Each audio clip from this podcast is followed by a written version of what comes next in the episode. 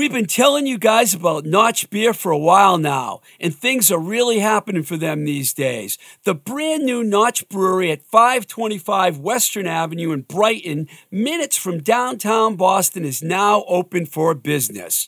Just like their original hotspot in Salem, Massachusetts, they are brewing and serving European influenced beer in their beer hall and beer garden, and they also have an outdoor live performance and music space. Not only do you get some of the finest brews around. You can also enjoy live music in their outdoor venue. They also have a DJ spinning vinyl in one of their indoor rooms. They have a fantastic location with parking, which is a bonus in Boston. Notch's beer is available at retail locations throughout Mass and Rhode Island, and you can also order through mail order direct from Mass and PA. If you haven't tried Notch yet, it's about time you do. Get yourself a Notch beer, or better yet, head over to Notch Brewing and tell them Twisted Rico sent you.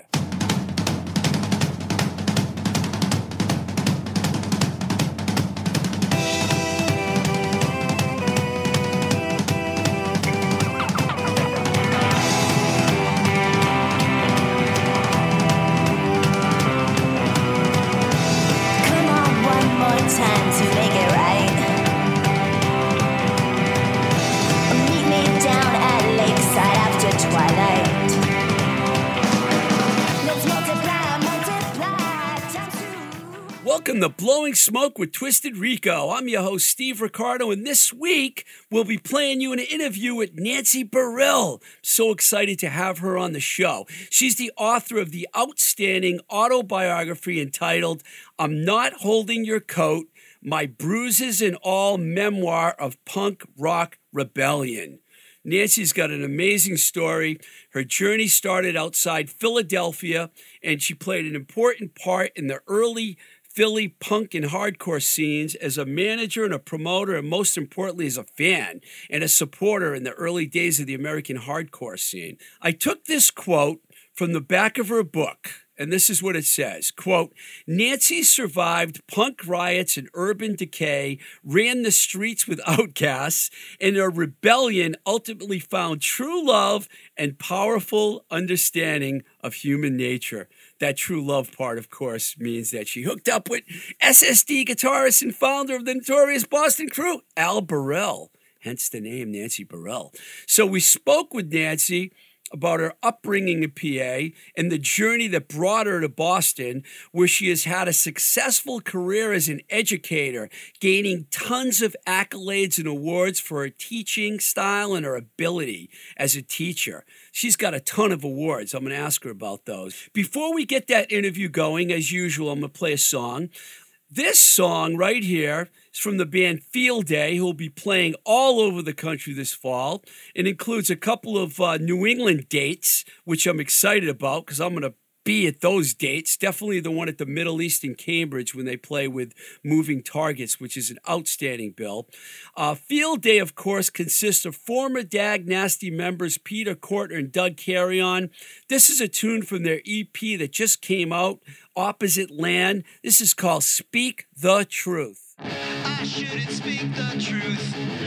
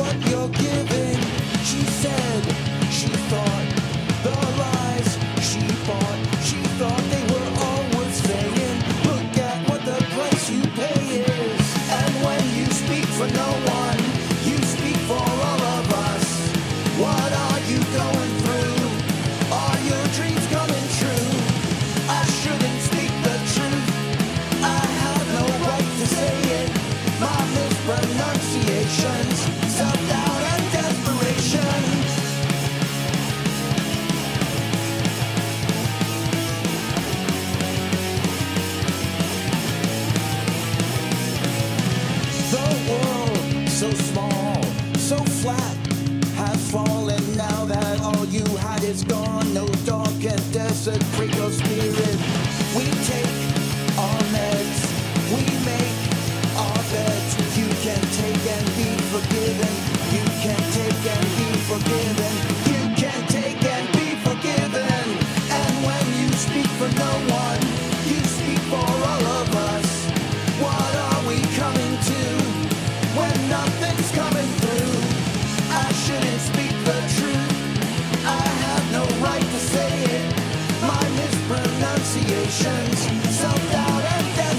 desperation.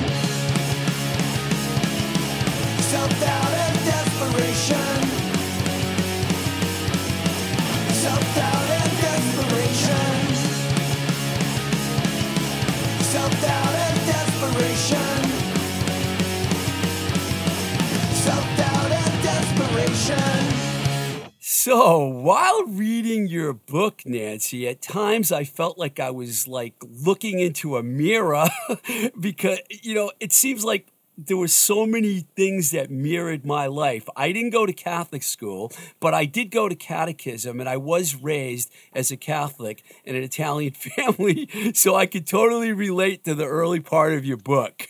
Well, that's I- I was definitely hoping that you know the book would resonate with people on all different levels. If not, you know, Catholic school, then strict parents or live music, or you know, I was always hoping for some commonalities that people that grew up, you know, during that time, and even if you didn't grow up during that time, that you could relate to.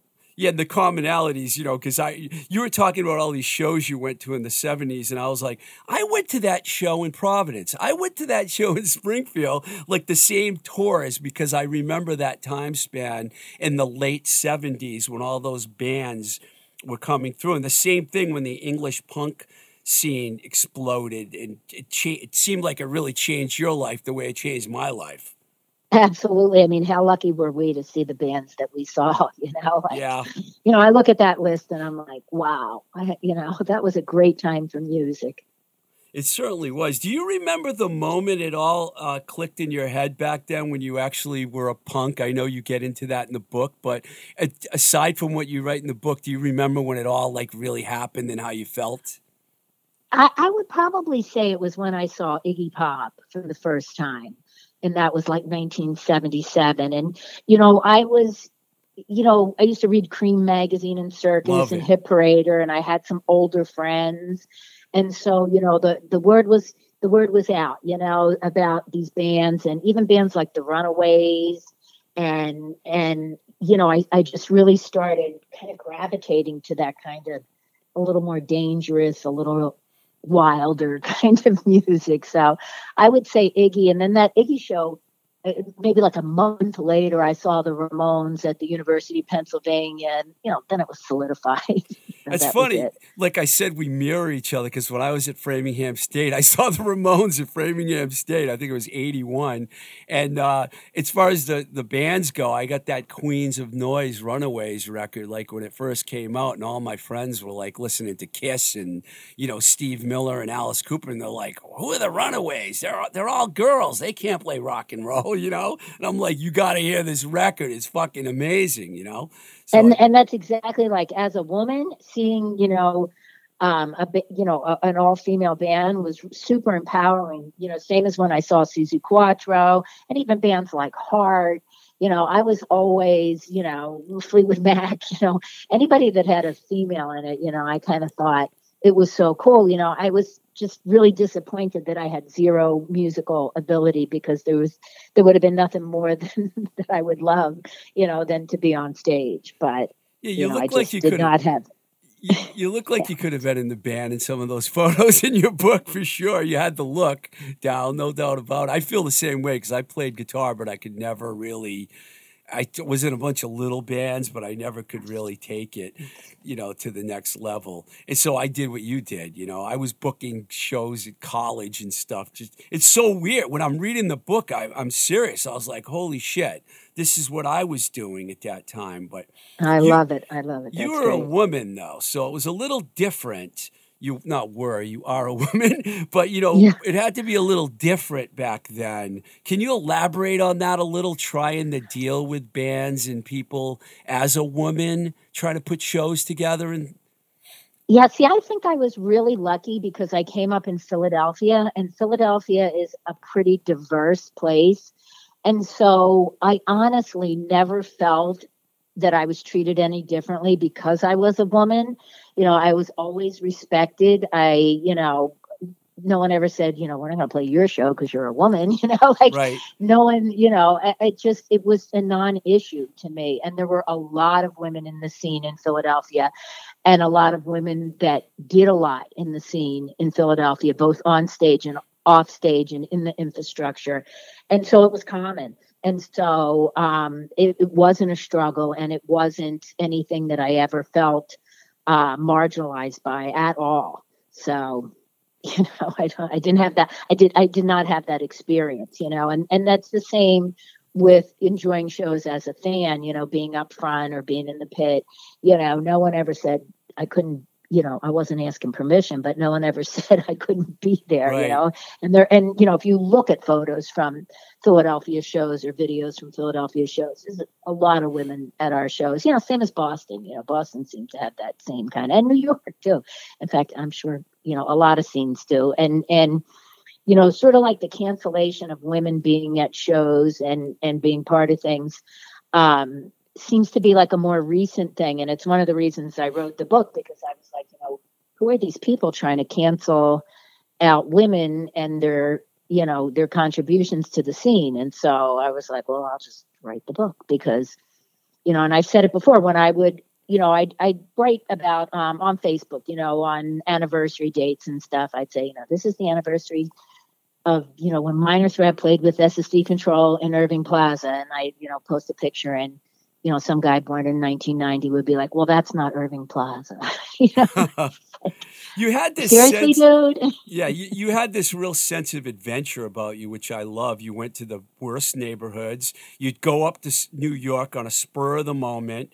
You mentioned these crazy stories in the book about, you know, bad brains, dead Kennedys, minor threat, black flag, SSD. Looking back now, which of those shows and bands do you feel kind of made the biggest impact on you? I mean, I read the book, so I kind of know what you're going to say, but for people that haven't read the book, what can they expect you to say about some of the bands that really influenced you out of the ones I mentioned?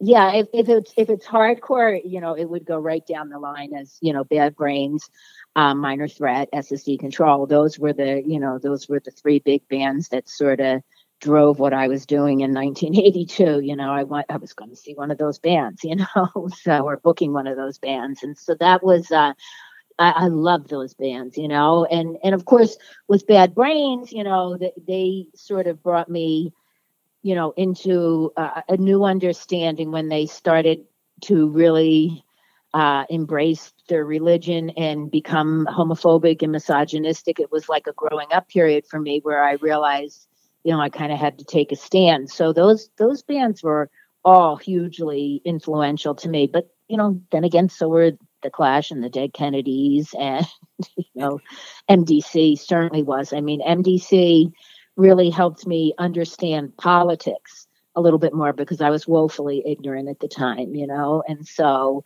um, you know, I looked to bands like them and Dead Kennedys and Crass and stuff to sort of understand the world a little bit more. Crass, that's a good one. I, I haven't talked about them. They're an English band that I that Yeah. we played a lot. I was at DJM in Framingham and we played them a lot.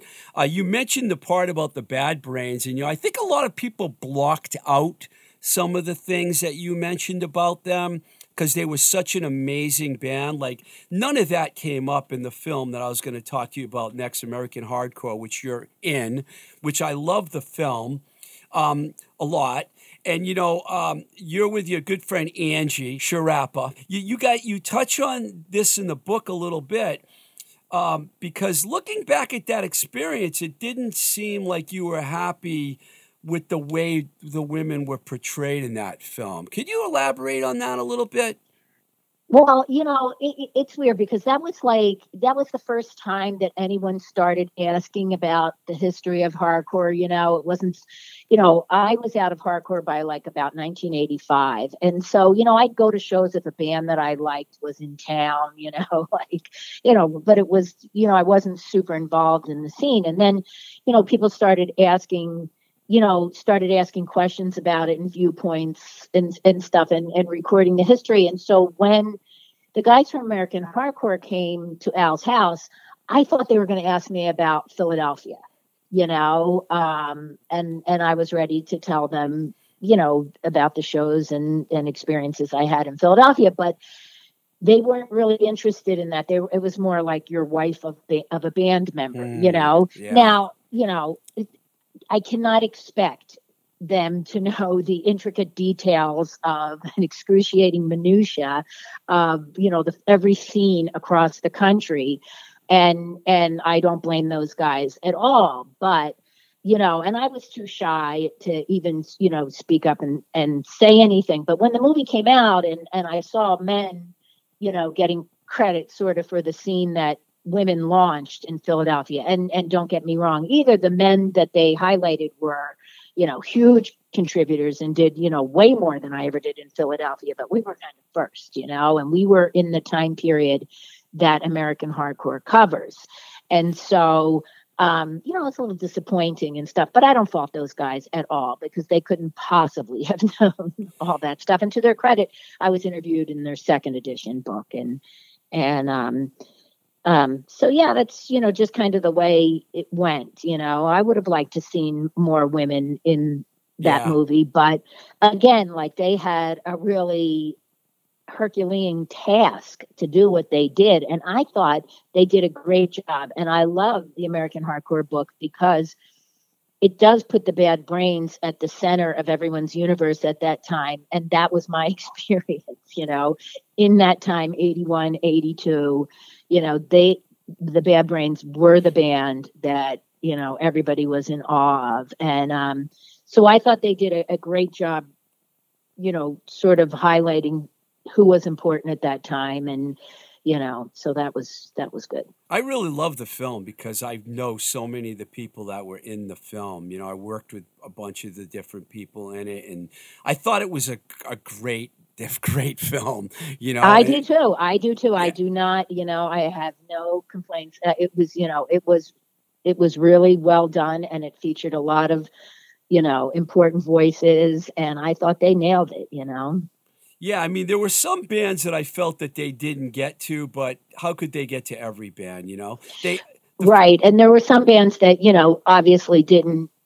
comply to be in it or you know things like that too and so do you think um, that's the yeah. case with the Dead Kennedys? I know it's the case with the dead Kennedys, Misfits, you know, yeah, yeah, the, you know, there was just too much going on at that time, I think, and you know, legalities and and arguments and disagreements, and I don't think you know they could. Otherwise, they would have definitely been in there. Yeah, it seemed like Jello should have been in the film, but yes, absolutely. Yeah, I was know. happy that they, they they talked about Flipper a lot though. That was pretty cool because I was a big Yeah. Flipper fan. They were so outrageous.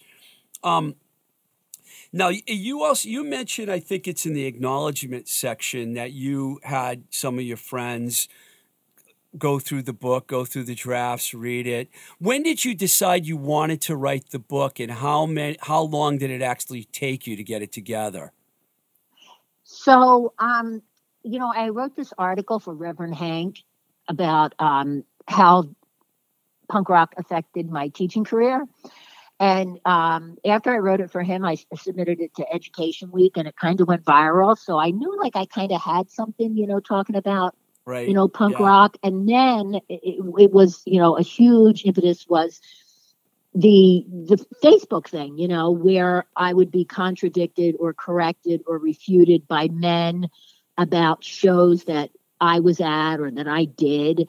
And so I just figured, well, you know, I'll write the book and then, you know, you can come at me, you know. So um it was around that time that uh, you know, well, maybe it's probably like seven years ago now that I decided I'm going to write this book. And so the first book was, you know, it combines, it was how punk rock made me a better teacher, and it combined the punk rock with the um, teaching story, my teaching story, and I immediately got this like really high powered agent out of New York. Like first person I pitched the book to was like, you know, called me on like Christmas Eve and was like, I want to, you know, I'm going to sign you, you know, and I was like, oh my god, you know, this is great. And he was like, we're going to send this out to bid, and I was like, I'm going to be able to quit my job, you know, I was all excited. But what happened was people either liked the punk rock story or they liked the teacher story, but they did not like them combined. And so it, you know, the, the punk, yeah, the punk rock story was finite. It was easier. And so, and it was a little more dear to my heart at that, you know, at that time I was realizing how important all that, you know, how important it was and how important the people that I met through that scene were to me. So it was just much easier for me to write that. So, you know, I wrote it and um, I had a publisher out of Philadelphia for a little while, and that didn't work out. And that that's you know set me back time wise a little bit. The book, you know, the book had been written. I wrote the book in the summer, basically, um, you know, but it needed editing and stuff. And and then I got Bazillion, and you know, which was the greatest thing to ever happen to me because Ian from Bazillion is so awesome. And so, um, you know, the whole process probably took about five years. That's not bad. I mean, I hear people Yeah. talking about they're able to write a book really quickly, but with all the research and everything, because you had you had a really good recollection of the early days. I loved the way you talked about your upbringing, and you know, I was going to bring up your parents, Millie and Sam, and I'm sorry to say they both have passed away because I would love to have known what they would have thought of the book. You know, Yeah, you know, my father didn't know any of that was going on. And so he would have been like, he would have been horrified. I remember there was a time, you know, not that long ago when he was still alive and I was down in Philadelphia. Some filmmakers were doing a documentary on the Philadelphia scene. So they came to my dad's house to film me. And my dad was like a mall walker. So he was down the mall walk walking. And I was like, let me get this done before he gets back home, you know. But of course, he walked in and, you know, there's lights and cameras and everything. It's like, you know, why are they interviewing you? And I was, you know, I told him, I was like, oh, you know, I used to do shows and do stuff. And that's how I met Al. And he was like, oh, I never knew any of this. And I was like, exactly, Dad. You know what? You were sneaking out. You were sneaking yeah, my Staten Island. So- yeah, he was very strict. And if he would have known, like, you know, people were throwing bombs at me and stuff like that, like, yeah, I was you crazy. know, he would have been horrified. Yeah, Yeah. he would have been absolutely, you know, or in some of the situations that I put myself in.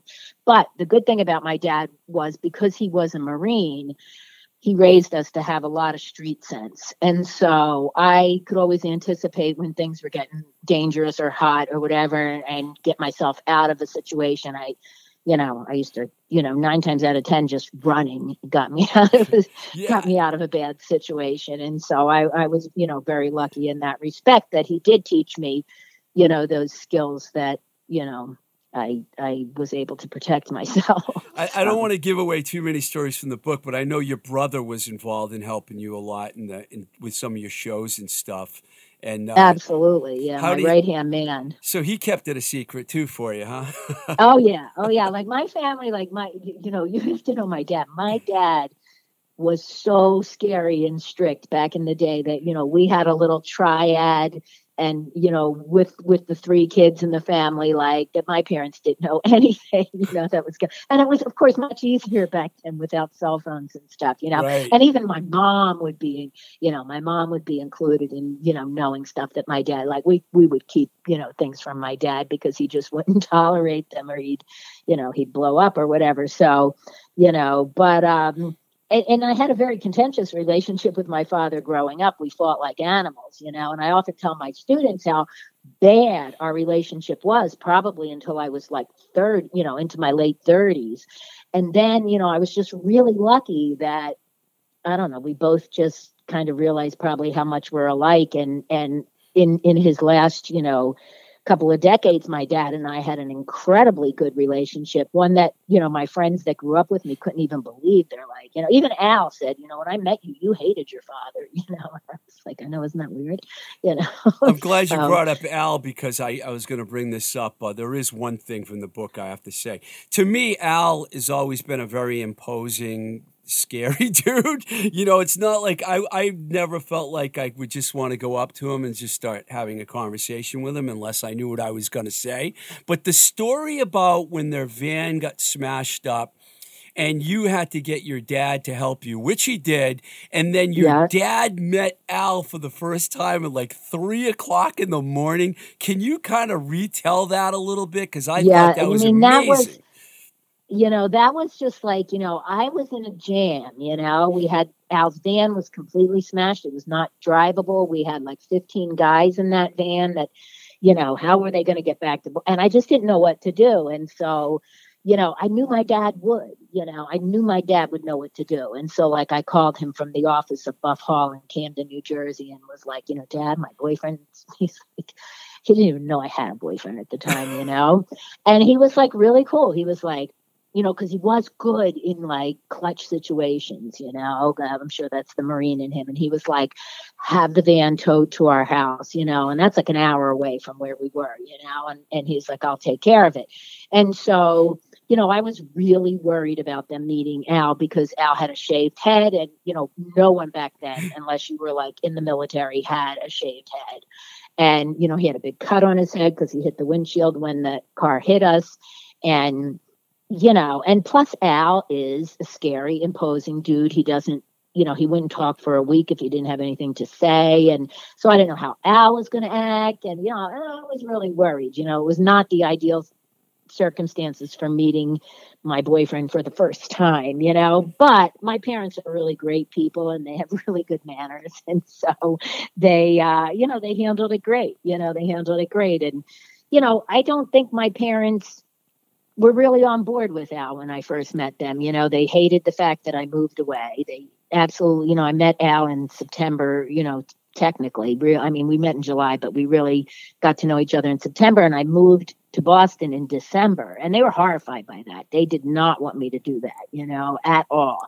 And so, and they didn't really like Al because he was you know, Al's on the spectrum and he says exactly what he's thinking and and um you know, it was a little disconcerting for them. But over the years, they really grew to love Al, and especially my mother. My mother and Al had such an incredible relationship that it was almost like exclusionary to me. You know, they were so into sports together and you know, they would just talk for hours. They almost went when the when the Patriots played the Eagles in the first time in the Super Bowl in Jacksonville, they almost went together, you know, the two of them, but they got priced out, you know. So I you know, imagine in your mom's an Eagles fan too, right? yeah, my mom's a huge, you know, my mom was a huge, huge Eagles fan, and you know, Al, of course, is, and they would, you know, they go back to the '60s, and they would just talk for hours. I would be dying, like, oh my god, can we talk about something else?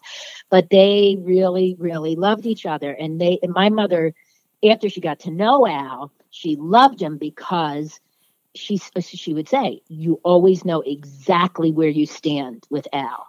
You know, so when my mother would come up to visit, you know, and you know one time it snowed and she was going to get like kind of snowed in and she was like al do you care if i stay another week? He was like no stay as long as you want. And she knew he meant it. It wasn't bullshit you know like That's he's incapable of bullshit you know he's he al can't bullshit you know and and so then my mother loved that about him because when she asked him something she knew she got a direct answer and there was no you know subterfuge or anything you, You know, know go, going back to the Camden story for a second, um, I, I hate to give this away, but I it, people are going to still going to want to read the book. But this speeding car in front of a venue wipes out Ian MacKaye, who has to go to the hospital, and wipes out the SSD van at the same time. And you guys were actually still in the van when it happened. I, I had just jumped out of the van to to go see where to load the equipment in, and so I had just crossed the street and I heard the car coming, and I turned around and I was like, he's in a it was a station wagon and the guy had locks. And you know I was like he crazed look in his eyes like he was definitely out of his mind, you know, and I was like this guy's not stopping, you know, and luckily, you know, Ian had great skateboard skills and he, you know, he was talking to Al at the driver's side window. And when he saw the guy wasn't going to swerve, you know, he, he jumped. And that I think helped him not get killed. Talk you about almost but it- taking out the entire straight edge scene in one minute. Yeah, exactly. Insane. Oh my God. and they you know and he crashed into al head on you know and then took off you know you know backed up pulled it and then took off you know.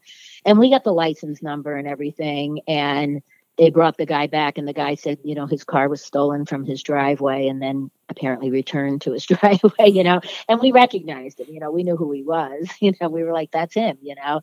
But the cops made it pretty clear that coming back to you know testify or go to court in camden was not something that we wanted to do so Not a good area. yeah I'm going to switch gears a little bit because um, I love the fact that you're a teacher. And I wanted to ask you, I have a few questions here about that. One is I was going to ask you what it was like being a teacher during COVID. That had to be difficult. Well, it's not over yet, but I mean, you missed Yeah. the whole year, right?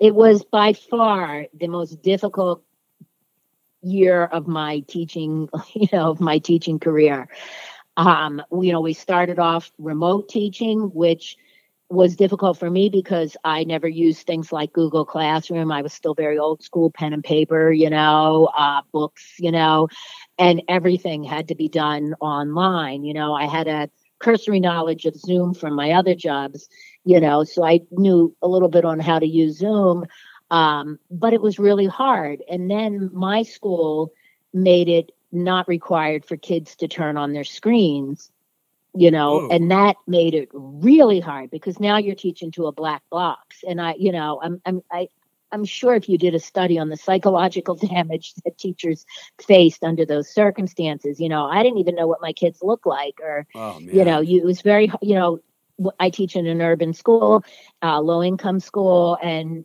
the whole key to being successful is building relationships and it's very difficult to build relationships with a black box where you can't see somebody's face and you're a you high know? school teacher, right? I'm a high school yeah. teacher yeah Wow, that had to be you know difficult. but that being said you know we did it you know we did it and you know teachers continually pivoted you know so then you know we did that and then it was like okay now we're going to a hybrid schedule and now you're going to be in the classroom and there's you're going to have kids in front of you but you're going to have kids also on zoom and you know it was just insane and our schedule changed three three different times and you know, I just look, you know, I have about three, four years left before I retire. And I just say to myself, like going back in September now, I'm like, nothing could ever be as hard as it was this past year, you know? Yeah. So it'll be easy. And then, you know, on top of all that, we had to take shit from all these people who were blaming us for schools being closed when that decision was not up to us. You know, that decision was made by medical experts and healthcare professionals and city officials. It was never made by teachers. Yeah. You know, when we were returning to school, you know, teachers made sure that we were returning to a safe environment, and our union was very involved in that. But we did not keep people out of schools, you know. Um, and so we had to, you know, we were vilified, you know, even our, in our own hometowns. And, you know, so that was, you know, that was extremely difficult. But the kids really appreciated everything that we did. And, you know, for me, that's what it always comes down to is the kids. You know, I can, you know, I've got, you've got to deal with a lot of other stuff as, as a teacher, but it's the relationships you build with kids that really makes the job so rewarding, you know. So And from what I hear, you've done a really good job at that. And I wanted to ask you what your students, like past and present, know about your background in music and what their reaction to it is and was. Yeah, there's not a lot of kids at my school who like punk rock or hardcore.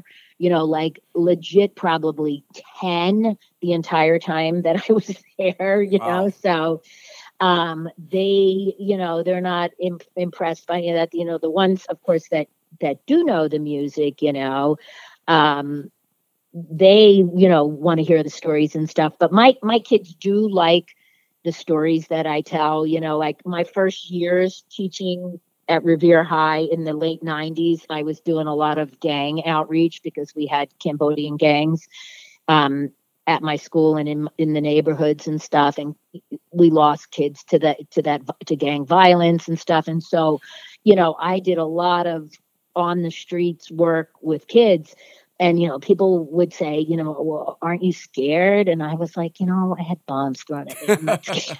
You know like that's I was the good the thing pit, about punk man. rock.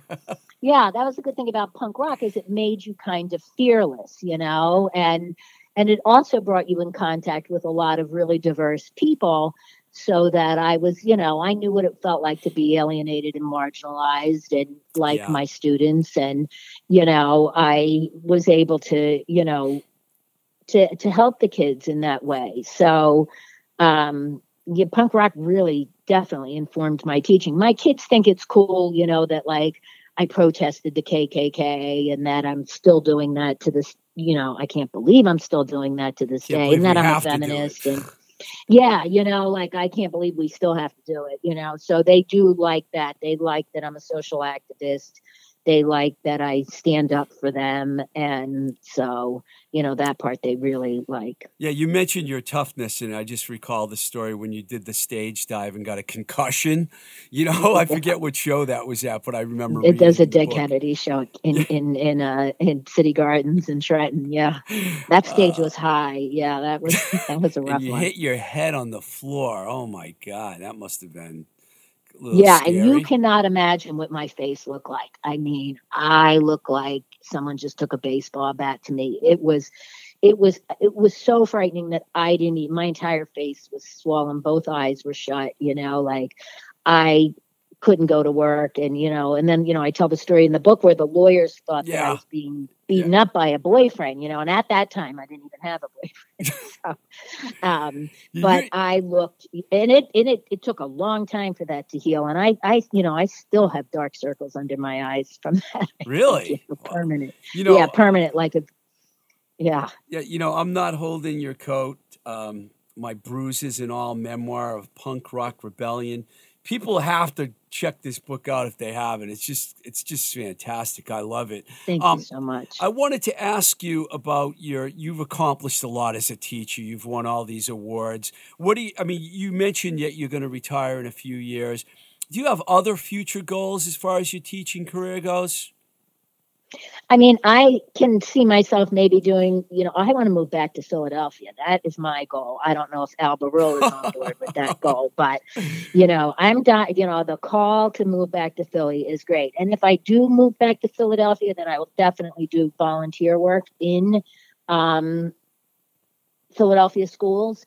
You know like i would like to do some stuff kind of under you know uh, on on my own you know kind of thing i still teach at the college level i teach at emmanuel college and uh i teach teachers you know people that want to be teachers and i still write education articles as as a job with a Yeah, you've written for a lot Sky- of magazines. I, I, yeah, I saw that. Skyward, and yeah, yeah, I do a lot of writing. So, you know, I, I I'm just one of those kind of people that you know will probably always work a little bit, you know, but you know, as far as teaching every day at a public school, it's it's becoming more and more difficult every year. You know, there's there's just a lot that go that that that impacts what you do in your classroom and if i could just shut my door and teach it would be a lot easier but i can't you know i ha- i have to you know institute new grading policies and you know my school just de-leveled you know there is no no more pre-ap or honors or or um college level classes. Everybody's in one class and that's a move like i don't necessarily agree It's with weird. but i have to teach under those i have to very quickly learn to pivot and teach under these you know these new circumstances. And so you know that it just it's just gotten really really hard and it takes a lot of energy to be a teacher and you know the pandemic was not good for me health wise I worked as a substitute teacher for two years, and I don't. I swore after that I would never go back into high school again. So I have no idea Yeah. how. It's not an easy job. It definitely. yeah is. no it's not easy at, at at all and it and it takes a lot of physical energy and and um you know i i am working right now like to get that energy back because just over the pandemic you know i didn't work out and i did i you know, we had DoorDash here just about every day. You know, I was eating all kinds of crap. You know. Yeah, I love your uh, you know. Instagram, uh, the SSD Instagram. That's actually how we got to know each other because I started Yes, writing yes. you on that page. Your stories are fantastic.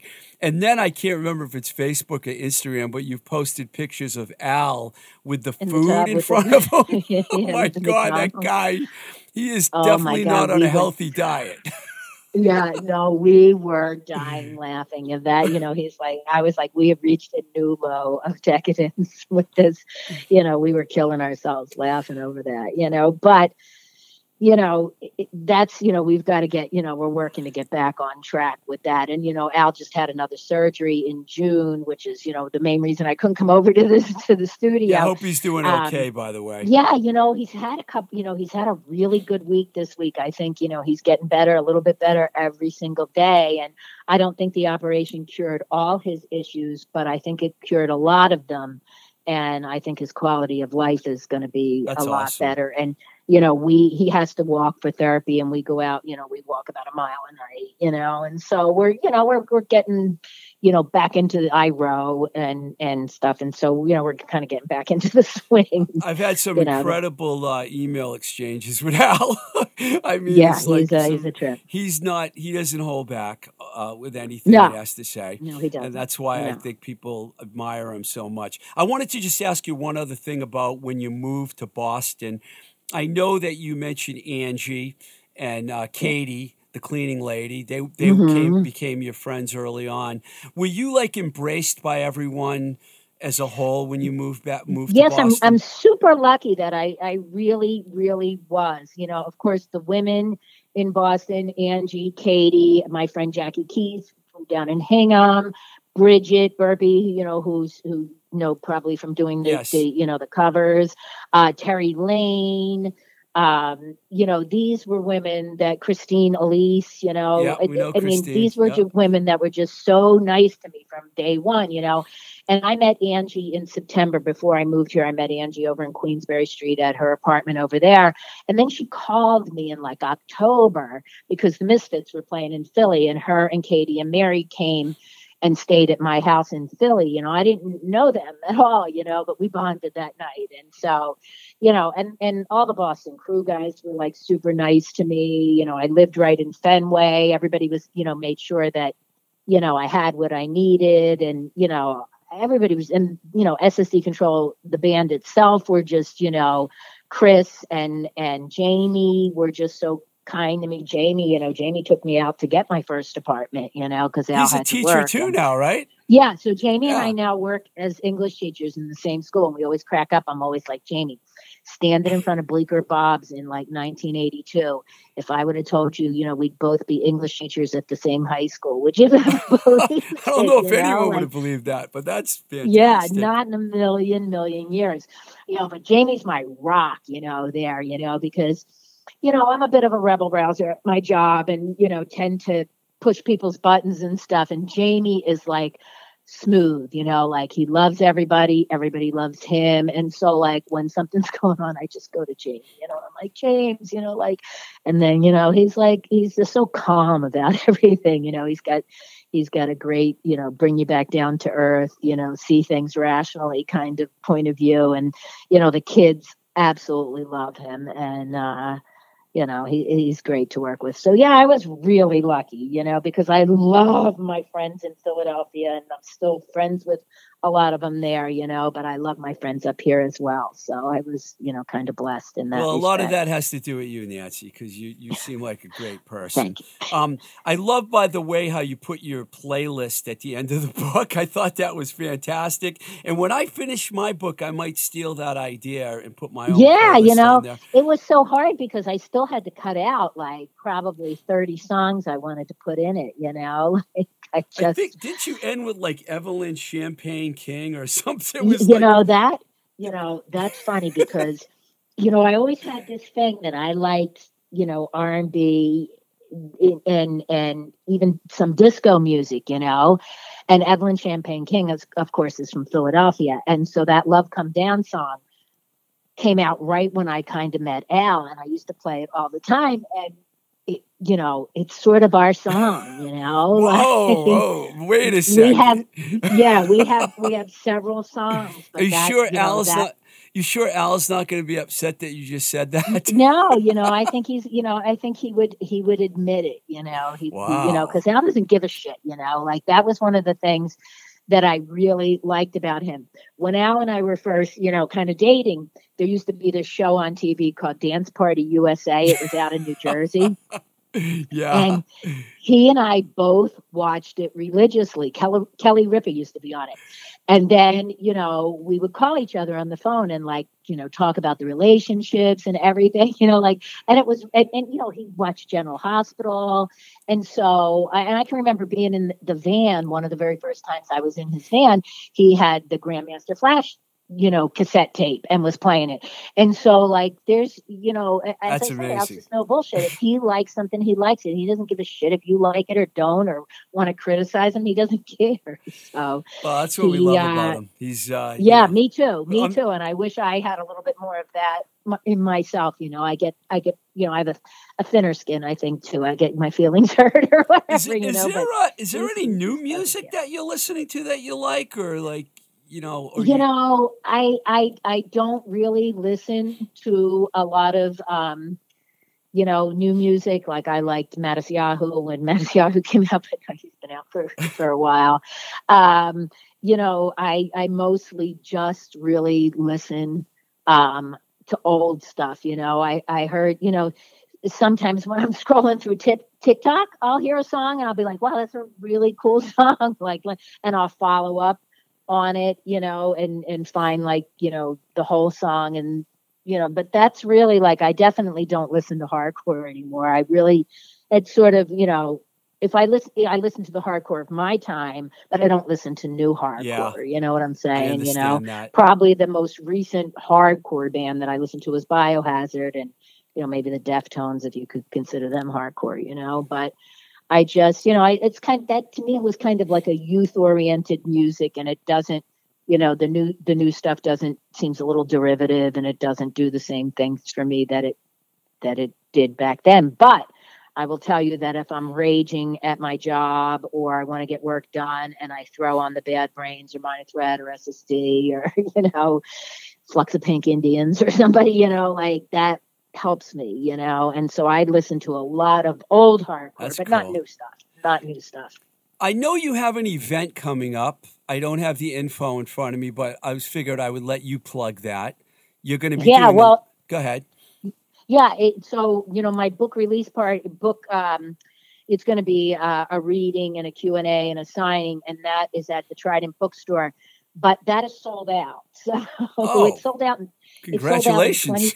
Thank you, thank you. It sold out, and much to my surprise. And you know, the whole book has just been like kind of a shock. That you know, a- a shocking ride to me. I figured, you know, some friends, some relatives, a couple of punk rock people might buy it. So it's been a really fun ride. And so, um, because of COVID, you know, could have about a hundred people there, and so you know they did t- tickets through um, Eventbrite, and and it sold out. But I'm going to do another. Um, I don't have a date for this yet, but at Armageddon Records um, in uh, Harvard Square. I'm going to do something there probably Nice. at the end of November, early December there. So We'll definitely plug it here for you. Absolutely. yeah, thank you, thank you. Well- totally appreciate that. Thank you for coming on the show. I appreciate it. I've wanted you on for a while, and I'm so happy that you're on. And please, I'm so happy to be here. I'm really glad that we got to do it. You know, like I never want to like ask anybody like, and you had you had talked to me early on, and I was like, I wonder if he's going to ask me again. You know, like Of 'cause I have to course, I like, was. Hey, I've know? asked that guy you live with more than a million times to come on my show, but I'm not getting Yeah, I think he's kind of done. You know, like he doesn't like, you know, he doesn't like doing those things as much as I do. And he, you know, he did his one with Drew, and he did his one with with Steve Blush, and um, you I know, I think covered. Yeah, I think he he just doesn't, you know, he doesn't enjoy talking as much as I could talk all day, as you can probably tell. You know, like no problem. But I mean, he has to really psych himself up for it. You know, so I don't know if he'll ever do any more, but That's okay. I'm not taking it personally. yeah, But don't, don't, don't definitely don't take it personally. Thank you, Nancy, and you know I wish you the best, and I hope part two of the of the book comes out soon because you have to write about what happened after 1982 because we all want to well, hear the rest. A, um, we have a photo essay book coming out um, with Phil and Flash, me Nice. and Al, and and with you know Chris and and um, and and Jamie also contributing. Um, that's going to probably be out by Christmas, and so then you know there's more stories in there, um, you know, about the you know post 1982 stories. So Oh, I can't wait and you know for that that I, I started that Instagram for Al because you know he had just had to retire out of um, from GE after all those years, go out on disability, you know, and it killed him because he would have been one of these people that worked till they dropped, you know. And I wanted him to see, you know, like you had a, big influence on people's lives, you know. And so he did. He I did. started I started the SSD Instagram, but you know, I wasn't in SSD, so I wanted to make it authentic. So I only would put stories from the band or stories about the band from other people. And it just like took off. And then that's when we got like, you know, the book deal for that. So um that, you know, that should be out by Christmas. Hopefully. Definitely excited about that. Nancy Barile, thank you so much. Thank you so much. All right. All right. Have a Take good day. Bye bye.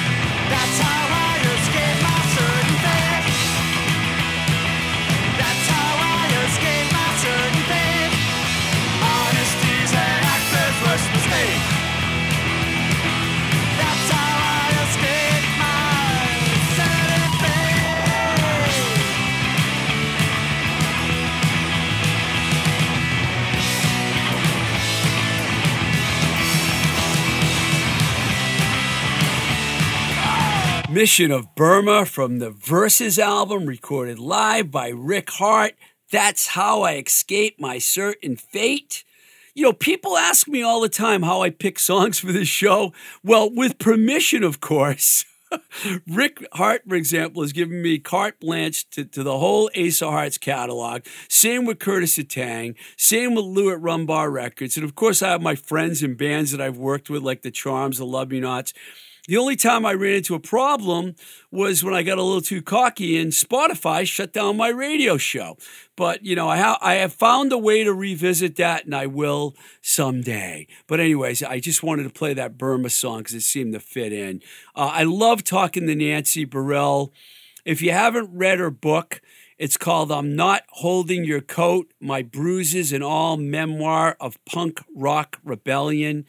You really should check it out. It's an easy read, even for someone like me that takes forever to read a book. I was able to like just smoothly get through this book. There's so many good stories in it. I, I mean, it's just fantastic. If you want, if you love the early American hardcore scene, and if you're from Philadelphia, especially, because she gets into a lot of detail about Philly bands and Philly venues. It's really, really good. And then, of course, her going to New York to see shows, go, you know, getting to meet Al Barile and all that. It's a really good story. I highly recommend it. It's available everywhere. I mean, I bought my copy at Barnes and Noble, so it's really easy to find. I just want to also mention something else. My good friend, uh, guitar player of the Charms, Joe Wisdom, made my day.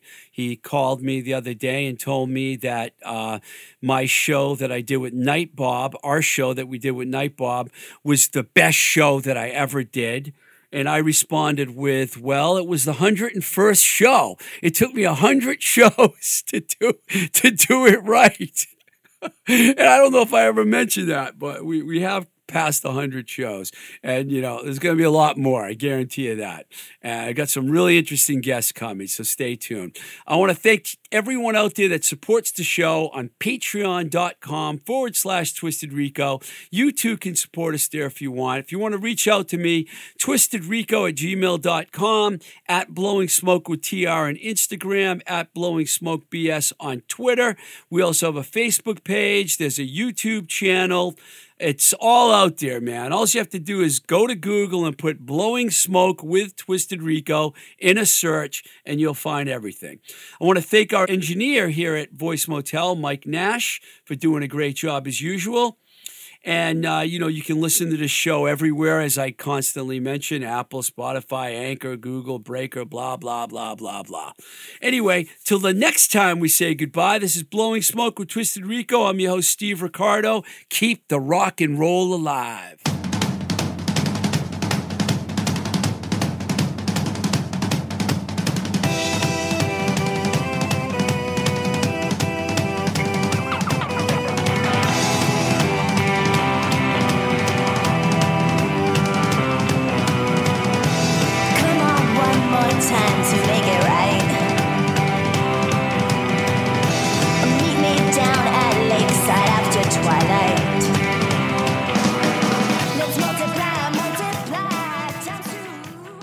Voice is recorded at Voice Motel, voicemotel.com, your complete podcast recording experience, located in Union Square, Somerville, Massachusetts.